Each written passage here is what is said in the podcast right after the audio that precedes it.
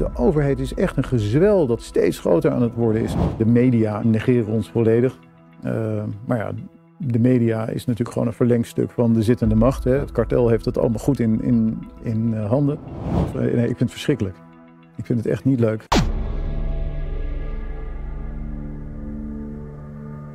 Hartelijk welkom bij Café Weltsmerts, waar wij in aanloop naar de Tweede Kamerverkiezingen van 22 november aanstaande de lijsttrekkers en anderen die zich beschikbaar hebben gesteld graag het woord geven en kennis met hen maken. Vandaag bij mij te gast Wieberen van Haga van Belang van Nederland. Uh, leuk dat je er bent. Uh, zoals gezegd, uh, kennis maken met de persoon Wieberen van Haga. En ik zou je graag van je willen weten waarom mensen uh, op jouw partij moeten gaan stemmen aanstaande woensdag. Maar vertel eerst eens even iets over jezelf. Wie is Wieberen? Um, ja, de, we hebben maar een half uurtje. Dus de, nee, nee, maar, ja, de, korte versie. De, korte versie. Ja, ik, ik, ik ben geboren in de Schilderswijk in Den Haag. Dat mag ik niet meer zeggen van sommige mensen van de Volkskrant, omdat die toen zeiden van ja, waar ben je geboren? Ik zei nou, of nee, ze zeiden echt, eigenlijk van ja, je bent met een gouden lepel in je bek geboren. Oké. Okay. Nou, dat is helemaal niet waar. Ik ben in de Schilderswijk geboren. En, uh, en ik ben ook met nul begonnen. Ja, dus Schilderswijk is niet de rijkste buurt van Den Haag. Uh, nee, maar mijn vader was in opleiding tot uh, chirurg in het uh, ziekenhuis Zuidwal in Schilderswijk. En daar ben ik in de Schilderswijk geboren. Maar we woonden in de Hengelolaan en dat was ook een hele slechte wijk. Dus, dus het was allemaal een beetje bullshit. Maar nee, maar ik ben, ik ben gewoon in een gelukkig gezin opgegroeid. Een broer en een zus, uh, Engelse moeder. Vader was arts en nee, allemaal prima. En ik, ik heb een gymnasium in Bertha in Haarlem gedaan. Ik heb, uh, en vervolgens ook aan Haarlem blijven plakken, begrijp ik. Nou, niet helemaal. Ik ben in Delft gaan studeren, elektrotechniek. Uh, ik heb ook nog even mijn propeduize rechten gedaan in Leiden uh, in mijn laatste jaar. En toen ben ik in dienst gegaan. en daarna ben ik voor Shell gaan werken. Drie jaar in Gabon, vier jaar Schotland, drie jaar Oman. en daarna teruggekomen. En toen zijn we wel weer teruggekomen naar Haarlem in 2002. En toen ben ik ondernemer geworden. Ja.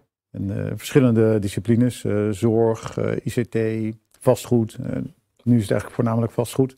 Ja, en, en bijna logisch, als je dan ondernemer bent, dan, dan, dan was de VVD de partij voor de ondernemer uh, destijds. En dat heeft jou waarschijnlijk dan ook getrokken om bij de VVD actief te worden. Vul ik even in. nou ja, dat, dat, komt eigenlijk omdat mijn moeder, uh, die vond het altijd mooi dat er in Nederland een liberale partij was. Ja. En in, in, in, het Verenigd Koninkrijk heb je gewoon de Tories en Um, wat heb je nu? De, de Liberals toch? Nee, de, de je hebt nu de Liberals.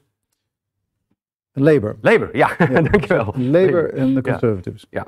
En, en, geen liberale partij toen nog. Dus zij werd lid van de VVD en ik begon op mijn tiende mee uh, te helpen met uh, flyeren. En, en, en, op mijn vijftiende ben ik, uh, kon je pas lid worden. Dus toen ben ik lid geworden. Dus ik was 38 jaar lid toen ik uit de VVD geflikkerd werd die toen al lang niet meer een liberale, of een echte liberale partij was. En ik, en ik ben in de loop der tijd ook meer libertariër geworden dan, dan echt zo'n sociaal-liberaal. Mhm. Uh. Kun je voor, voor wie dat niet weet het verschil tussen een libertariër en een liberaal uitleggen? Dat klinkt heel erg of ja, er dezelfde basis in zit. Nou, dat is ook wel zo natuurlijk. Kijk, de, eh, de term liberalisme is heel erg besmet doordat inderdaad in, uh, in, in Engeland, maar ook in andere landen de liberalen echt een soort GroenLinks-gekkies zijn die, ja. Uh, ja, die, die eh, heel erg die woke-ideologie aanhangen. Nou, dat ben ik echt totaal niet.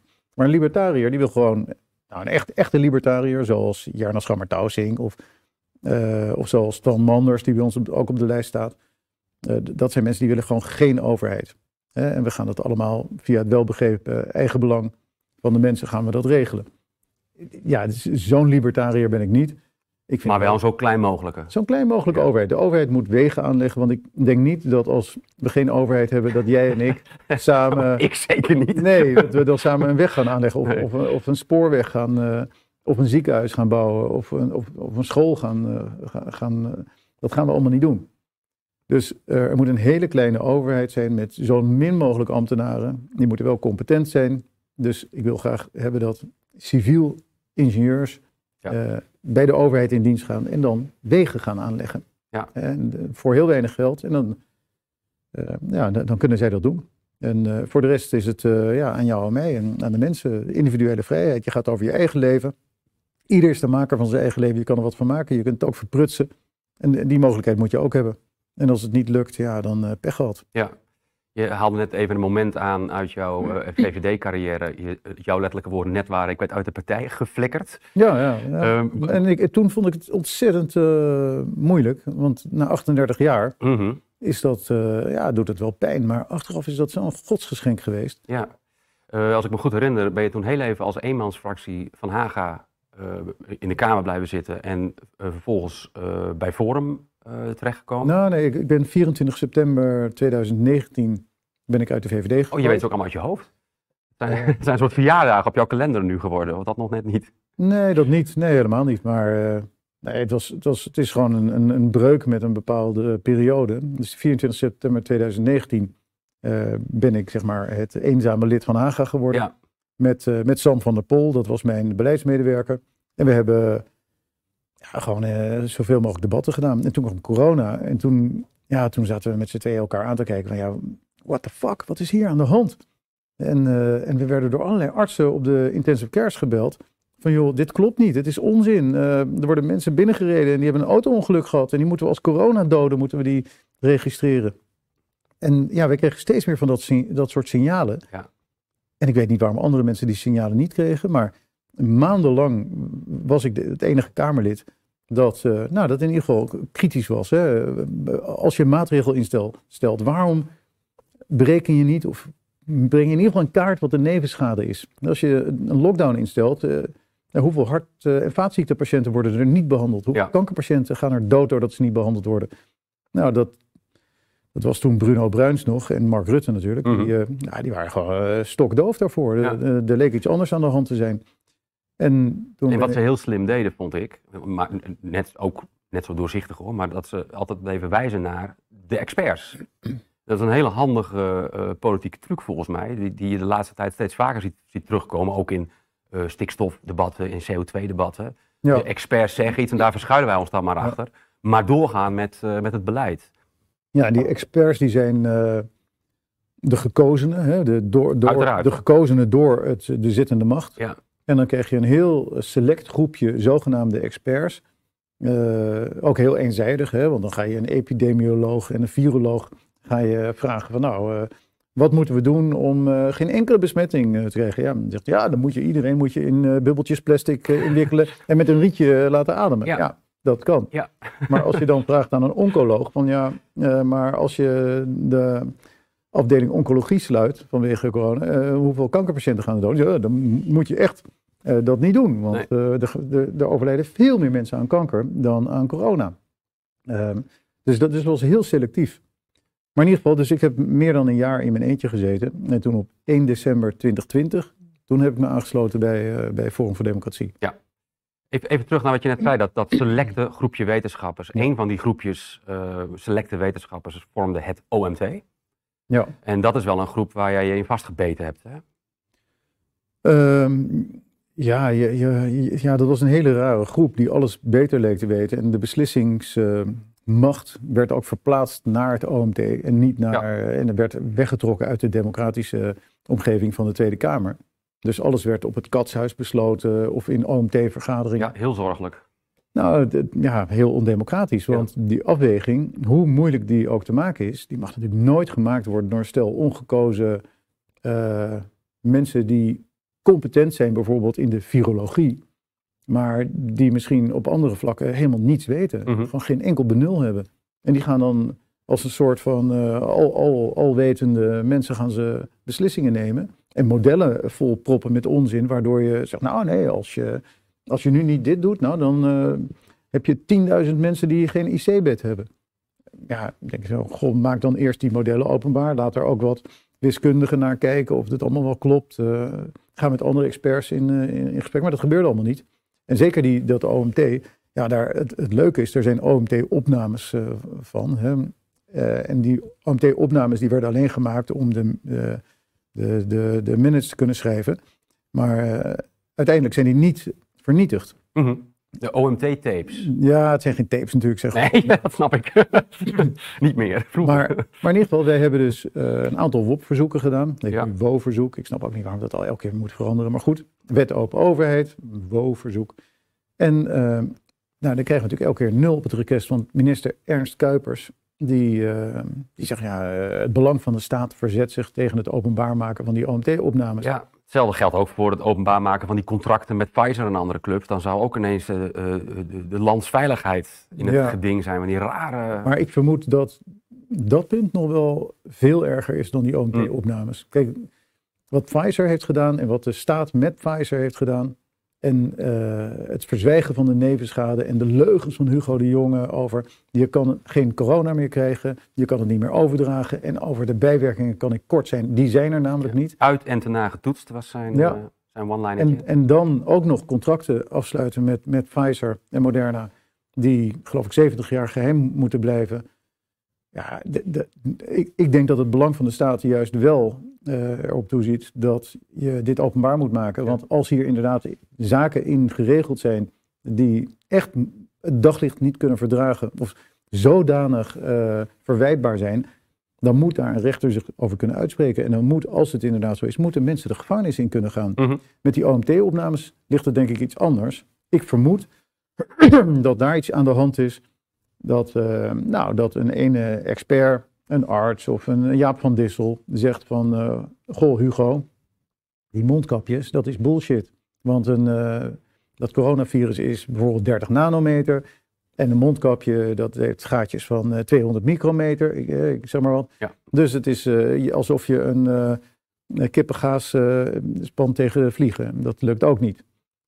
Uh, en dat Hugo dan zegt van nou, bullshit, ik, ik uh, accepteer het niet. We gaan het toch doen, want het is een leuk, uh, leuk gedragsexperiment. Ja, letterlijk de tekst van Van Arkel, hè, overigens. Ja, ja, ja, zeker. Of met de avondklok, dat een Jaap van Dissel zegt van nou, sorry, maar vanuit mijn expertise zou ik zeggen, dit is zo'n ingrijpende schending van onze grondrechten.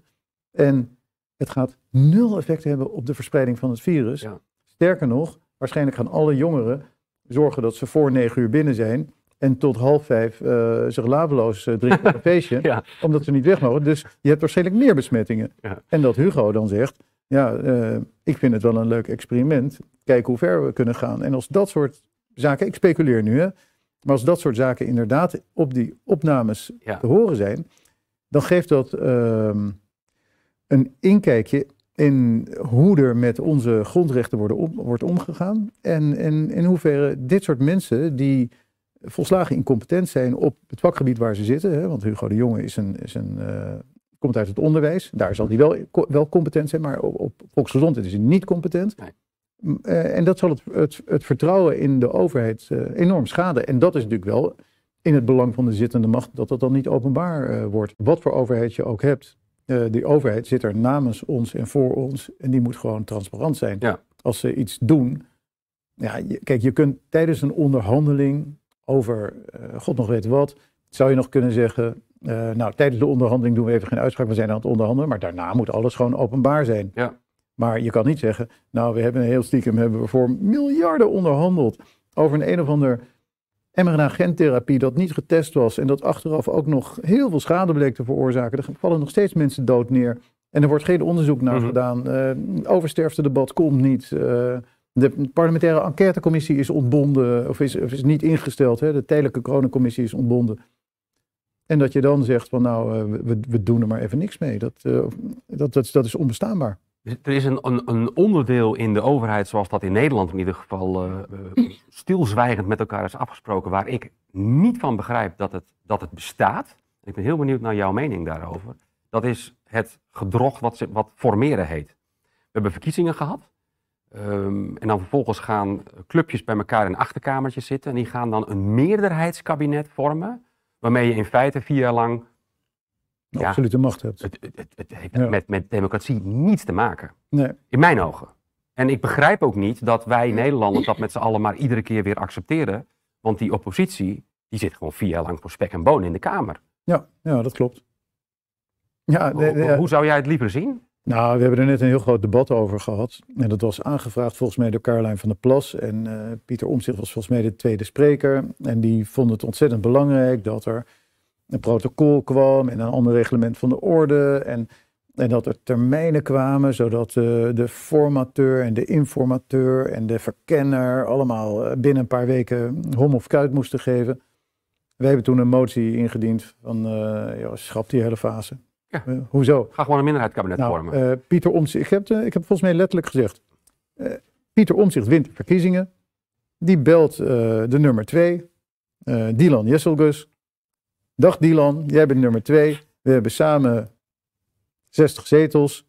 We moeten waarschijnlijk nog één dummy-partij erbij hebben. Nou, uh, zullen we eerst samen eventjes gaan praten en we maken het rond. Nou, dan ben je denk ik... Een middagje verder. Ja, nou, geef het twee dagen. Met wat secondanten. En dan zeg je tegen... Uh, nou, ze sluiten allemaal de PVV uit, dus dat kan niet. Ze sluiten ook Forum voor Democratie uit, dat kan niet. Maar dan hebben ze nog uh, 15 zetels nodig, 16 zetels. Dan bellen ze een andere partij van, joh, nou, wil je ook nog wat dingen? Teken bij het kruisje. En dan ben je binnen een week klaar. Ja. En dat is iets anders dan het half jaar dat Mark Rutte nodig had om alles weg te geven. Het hele VVD-verkiezingsprogramma weg te geven. Om nog een tijdje premier te mogen ja, En dat is dan nog een keer de keerzijde van dat hele grapje met formeren. Dat je ook nog eens een keer naar je achterban kan zeggen: ja, sorry. Je hebt voor mij gekozen op basis van een partij, uh, van een partijprogramma, sorry. Ja. Maar dat hele programma kun je overboord gooien met als excuus: ja, nee, we moesten onderhandelen. Dus we hebben nu eigenlijk vlees nog vis. Blijft nou ja, het is nog gekker. De, de afgelopen formatie is eh, volgens mij in ieder geval de eerste keer, voor zover ik het me kan herinneren, dat er een, een coalitieakkoord uitkwam. Dat niet het gemiddelde was van de verkiezingsprogramma's. Mhm. Je had het VVD-programma, daar stond in asielstop, op zich uh, vluchtelingenakkoord uit 1951, veilige landers uitzetten, helemaal harde dingen. Ja. CDA had iets met gezin en ondernemen. D66 die was misschien ietsje linkser. ChristenUnie was nou helemaal de weg kwijt. Ja, en we kregen een D66-programma. Nou, veel erger. We kregen een GroenLinks-programma. Was het nog linkser dan dat, ja? veel linkser dan dat, ja. Het was echt verschrikkelijk. We kregen eigenlijk een, een, een WEF-programma. Absoluut. Ja, ja heel, heel merkwaardig. Ja, of, je, of je het nou WEF noemt of uh, woke. Of, ja, maar... Of, of uh, collectivistisch. Ja. In ieder geval, uh, we hebben een kabinet gekregen dat het verst aflag van een zakenkabinet. Ja. dan welk ander kabinet dan ook. Echt bijna iedereen uh, had geen ervaringen of achtergrond voor de post waar hij zat. Ja, met, met, een paar echt lachwekkende uitschieters zoals Kajsa Olgan op Defensie. Ja. Uh, ja, Christiane van der Wal op stikstof. Ik vond onze minister van Justitie ook een bijzondere keuze hoor. Ja, ja ik kan haar naam niet uitspreken, maar... Dylan Jesselgus. Je, je, hebt vaker geoefend, maar... Ja, nee, maar ik, ik ken uh, Dylan natuurlijk uh, van, van de tijd dat ik samen met haar in de fractie uh, zat. Ja. En ja, zij is een hele linkse dame. Ja. En zij is ontzettend goed voor de camera, maar zij, zij is geen competente minister van Justitie. Ze heeft geen rechten gestudeerd. Nee. Uh, maar ja, uh, met, met, met alle ambtenaren en, en, briefjes die ze moet voorlezen, kan ze dat voor de Kamer heel goed doen. Maar dat wil je natuurlijk niet. Je wil iemand die gepokt en gemazeld is. Je wil iemand die hoogleraar rechtsgeleerdheid is. En die dan zegt van nou, ik ga even mijn sociale dienstplicht vervullen en ik ga zorgen dat het allemaal verbetert. Je kan van een totale leek niet verwachten dat ze minister van Justitie wordt en dat goed doet. De, de grootste verbazing had ik nog over uh, Kaag en Hoekstra. Mm. Sigrid Kaag was een, hè, iedereen vindt haar vervelend en, uh, en, en, en, naar. Het is natuurlijk echt D66 uh, ten voeten uit, heel arrogant. Maar ze was wel een competente minister van Buitenlandse Zaken. Haar ervaring en achtergrond in de diplomatieke hoek. Ja. Maar ze was een goede, of in ieder geval een competente minister van Buitenlandse Zaken. Heeft ze natuurlijk wel Kabul verpest. Maar goed, voor de rest, competent. Uh, Wopke Hoekstra was een competente minister van Financiën. Ervaring, achtergrond. En wat deden ze? Ze gingen een stuivertje wisselen. Ja. De baantjescarousel ging draaien. Ja, en toen werden ze alle twee dus volslagen incompetent ja. op een andere post. Ik vind het onbegrijpelijk. Ja. Ja, ik, dat, ik neem het misschien het. Uh, uh, Wopke Hoekstra nog het meest kwalijk, want het is gewoon een slimme vent. Die had gewoon nee moeten zeggen. Sorry. Ja. Nee, ik ga niet minister van Buitenlandse Zaken worden. En ja, hij is natuurlijk nu helemaal door het ijs gezakt nu die commissaris, uh, eurocommissaris is geworden. En nu plotseling nog groener en nog meer klimaatgek is geworden dan uh, Frans Timmermans ooit is geweest. Ja, ik, ik, ik kan me niet aan de indruk onttrekken dat er heel veel overlap zit tussen jullie programma en dat van Forum voor Democratie. Um, maar wat zijn de verschillen? Daar ben ik dan zo benieuwd naar. Nou, er zitten wel, wel een, paar. Uh, nou, je hebt natuurlijk grote vormverschillen. Hè? Forum zoekt ophef, wij niet. Dus dat, dat, dat is ook de reden dat het uh, spaak liep. We hebben gewoon geen zin om de hele tijd mensen uh, te kwetsen, mensen tegen de schenen te schoppen. Dus dat doen wij niet. wij zijn ook economisch rechts. In Forum is dat veel minder. wij, wij, zijn een ondernemerspartij. Wij zijn een partij voor werkende Nederlanders. En bij Forum, ja, je, je, moet maar op de lijst kijken. Ik weet niet of je de lijst een beetje hebt bekeken. Maar daar zit eigenlijk niemand bij die, die ooit echt een baan heeft gehad. Of ooit een onderneming heeft gehad. Ooit verantwoordelijk is geweest voor een loonlijst. Ik moet je helaas corrigeren, want uh, een van mijn goede vrienden staat op de lijst. En die is uh, ondernemer en boer. Dus dat, ja, nee, dat die, die telt, vind kijk, ik. Kijk, bij 50 mensen zul je dat wel kijken. Maar bij ons staan er gewoon... Nummer 14, Peter Verstegen. Ja, die ken ik ook. Ja. Ik heb nog uh, bij het vliegtuig gezeten. Ach, serieus? Ja, ja nee, maar dat is echt een goede vent natuurlijk. Dat is een ondernemer. Ja. Maar als je op nummer 14 de eerste ondernemer tegenkomt. Maar goed, wij hebben een ondernemerslijst. Uh, zij niet. en, en zij zijn soms ook. Uh, nou, soms. Zij zijn gewoon veel conservatiever op sommige punten. En één, één ding waar ik echt grote moeite mee had. was een amendement. En volgens mij heeft Pepijn van Houwelingen dat destijds ingediend. En dat ging toen over, uh, over abortus. Ja. En dat ging over het afschaffen van die vijf dagen termijn. Nou, wij vinden dat als jij verkracht bent of je, je hebt een gehandicapt kind, dan, eh, op wat voor manier dan ook, abortus is het recht van de vrouw, moet je gewoon niet in gaan, gaan lopen rommelen. Uh, de staat heeft voor een libertariër geen, enkele, geen enkel recht om daarin in te grijpen. Wat heeft Pepijn van Houwelingen toen gedaan? Die heeft een amendement ingediend en die zei ja, wij vinden dat er een verplichte medische handeling moet plaatsvinden. Nou, dat is al heel raar, want we hebben, ik heb samen met Forum gevochten tegen die vaccinatiedrang en dwang. Maar er moet een verplichte medische handeling plaatsvinden. Namelijk, er moet een verplicht, door de staat verplichte echo komen. Voordat een vrouw een abortus pleegt. En die vrouw moet dan verplicht met de arts naar die uh, echo gaan kijken. Voordat die abortus wordt uitgevoerd. Ja, dat, dat, dat is voor ons onbespreekbaar. Het moet niet gekker worden. Op een gegeven moment komt er misschien een, uh, een collectivistische regering die zegt, nou weet je, je hebt twee nieren en we zijn een collectief. En er zijn sommige mensen die hebben geen nier. Nou, dan gaan we een loterij doen. En Erik, jij bent vandaag aan de beurt. Uh, ja. Volpijpen opdraven. Ja, en uh, we gaan je. Dat is, dat is totaal debiel. En ik denk dat Vorm voor Democratie daar, uh, daar echt de, soms de plank gewoon totaal mislaat. We zijn heel erg ervan overtuigd. Verplichte medische handeling. Ja, ik vind het, ik vind het niet goed. Maar dat, is, dat, is, dat zijn dan markante verschillen, waarbij wij inderdaad veel liberaler zijn en zij veel conservatiever.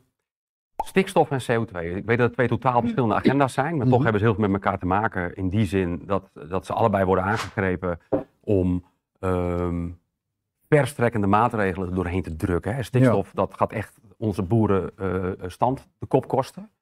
Hoe staat BVNL daarin? Uh, ja, ik, kijk, ik ben ingenieur en uh, Stikstof is überhaupt geen probleem. Dat is een, ja, we hebben dat op een of andere debiele manier in, in een wet vastgelegd. Uh, nou, heel kort, terug aan, een jaar 25 geleden hebben wij Natura 2000 gebieden aangewezen. We hebben gezegd, nou, we hebben beloofd om tot in de eindigheid, de oneindigheid, uh, die gebieden dezelfde natuur te laten houden. Dus als het een zandvlakte was, moest het een zandvlakte blijven. Nou, als je uh, ammoniak NH3-depositie laat plaatsvinden op een zandvlakte en je gaat dat niet uh, afschrapen of afplaggen of laten begrazen, dan wordt het een bos. Meestal begint met een berkenbos. Ja. We zijn nu hectares bos aan het kappen, omdat we onze natuur, namelijk die zandvlakte, niet uh, in stand hebben gehouden zoals we aan de EU hebben beloofd. Nou, en dat is, uh, dat is een bureaucratisch gedrocht. Dat slaat nergens op. Uh, ik vind een bos prima, had het gewoon een bos genoemd. Of... Ja, maar dan komt er ergens anders van een zandvlakte, toch? die natuur die beweegt toch? Die... Ja, maar nee, als je de natuur zijn gang laat gaan, dan krijg je depositie van blaadjes en wat dan ook. En dan, en dan komt, komt uiteindelijk een bos. Wij hebben die bossen gekapt in ja. Nederland ja. toen we schepen gingen bouwen. Dus stikstof is totale bullshit, is geen probleem. Uh, sterker nog, stikstof is goed voor, uh, voor heel veel dingen. CO2, ja, dat is een lastig verhaal, omdat heel veel mensen uh, zijn geïndoctrineerd met het idee dat CO2 iets heel slechts is. Ja. Nou, de CO2 zit gewoon een ondergrens aan. Als we te weinig CO2 hebben, gaan we allemaal dood. Zeker. Ja. 0,04% van, de, van onze lucht die we inademen is CO2. Um, als je heel grofmazig uh, gaat rekenen, dan is misschien van de totale uitstoot van CO2, dus misschien 3% komt uh, van, van mensen vandaan. Ja, we zijn dus echt uh, op een promillage al aangekomen inmiddels. Het is helemaal niks. Gaat nergens over. Ehm, onze CO2-uitstoot, die, die Nederland in één jaar uitstoot, dat stoot China geloof ik in drie dagen uit. Dus die verhoudingen zijn ook al zoek binnen de wereld. Maar, maar daarnaast is het ook nog zo dat um, het, de correlatie kan je in de laatste paar jaar enigszins maken tussen uh, CO2-stijging en temperatuurstijging. Maar het kausaal verband is helemaal zoek, want er is een veel grotere correlatie. bijvoorbeeld met de activiteit van de zon, hè, zonnestormen zo, en, en de opwarming van de aarde. Bovendien is het ook nog zo dat als de aarde opwarmt, en de aarde warmt altijd op of wordt kouder, wat is die, die klimaatschommelingen zijn van alle tijden, die waren er ook toen er nog nauwelijks mensen waren. Uh, is het ook zo dat als de aarde een beetje opwarmt, de oceanen ook meer CO2 afgeven. Dus het kan ook wel omgekeerd zijn. De aarde warmt, warmt op, dat is nu helemaal zo. Ja. De zeeën geven meer eh, CO2 af, krijg je meer vegetatie, uh, dat is weer voedsel voor de natuur. Dus ik zie daar ook helemaal geen probleem in. Maar het wordt wel misbruikt om een agenda door te drukken waarbij je een, een CO2-budget gaat krijgen en bijna je moet schamen als je vlees eet of vliegt of in je auto rijdt. Dus voor, de, ja, voor onze marxistische onderlaag is het een eh, heel dankbaar nieuw uh, godsbeeld dat er is gecreëerd. namelijk de natuur. Het is het nieuwe corona. Hè? We gaan straks waarschijnlijk allerlei maatregelen krijgen. Ja, maar dit speelt al veel langer. Hè? nou, ik bedoel eigenlijk dat de, de, maatregelen die, die u net even benoemd hebben in coronatijd. Van, oh ja, van vrijheidsberoving tot mondkapjes, noem het maar op. Ik, ik, ik durf bijna een weddenschapje af te sluiten. Dat we een klimaatlockdown krijgen. Tuurlijk. Nou ja. ja. nou, ik, ik ga me nergens aan houden. Ik, uh, Heel goed.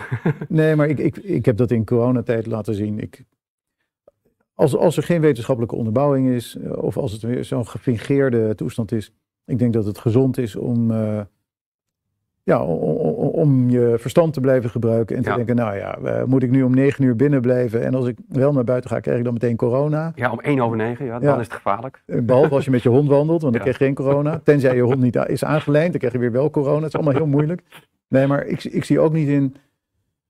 Ja, kijk, we hebben een aantal boeren bij ons op de lijst. Uh, Arjen Schuiling, Sita van Kijmpema, Nienke Koopmans. En die, die leggen echt iedereen uit van jongens, als je grasland hebt, dan dat is eigenlijk dood. En er zijn maar een paar dieren die van gras vlees of melk kunnen maken.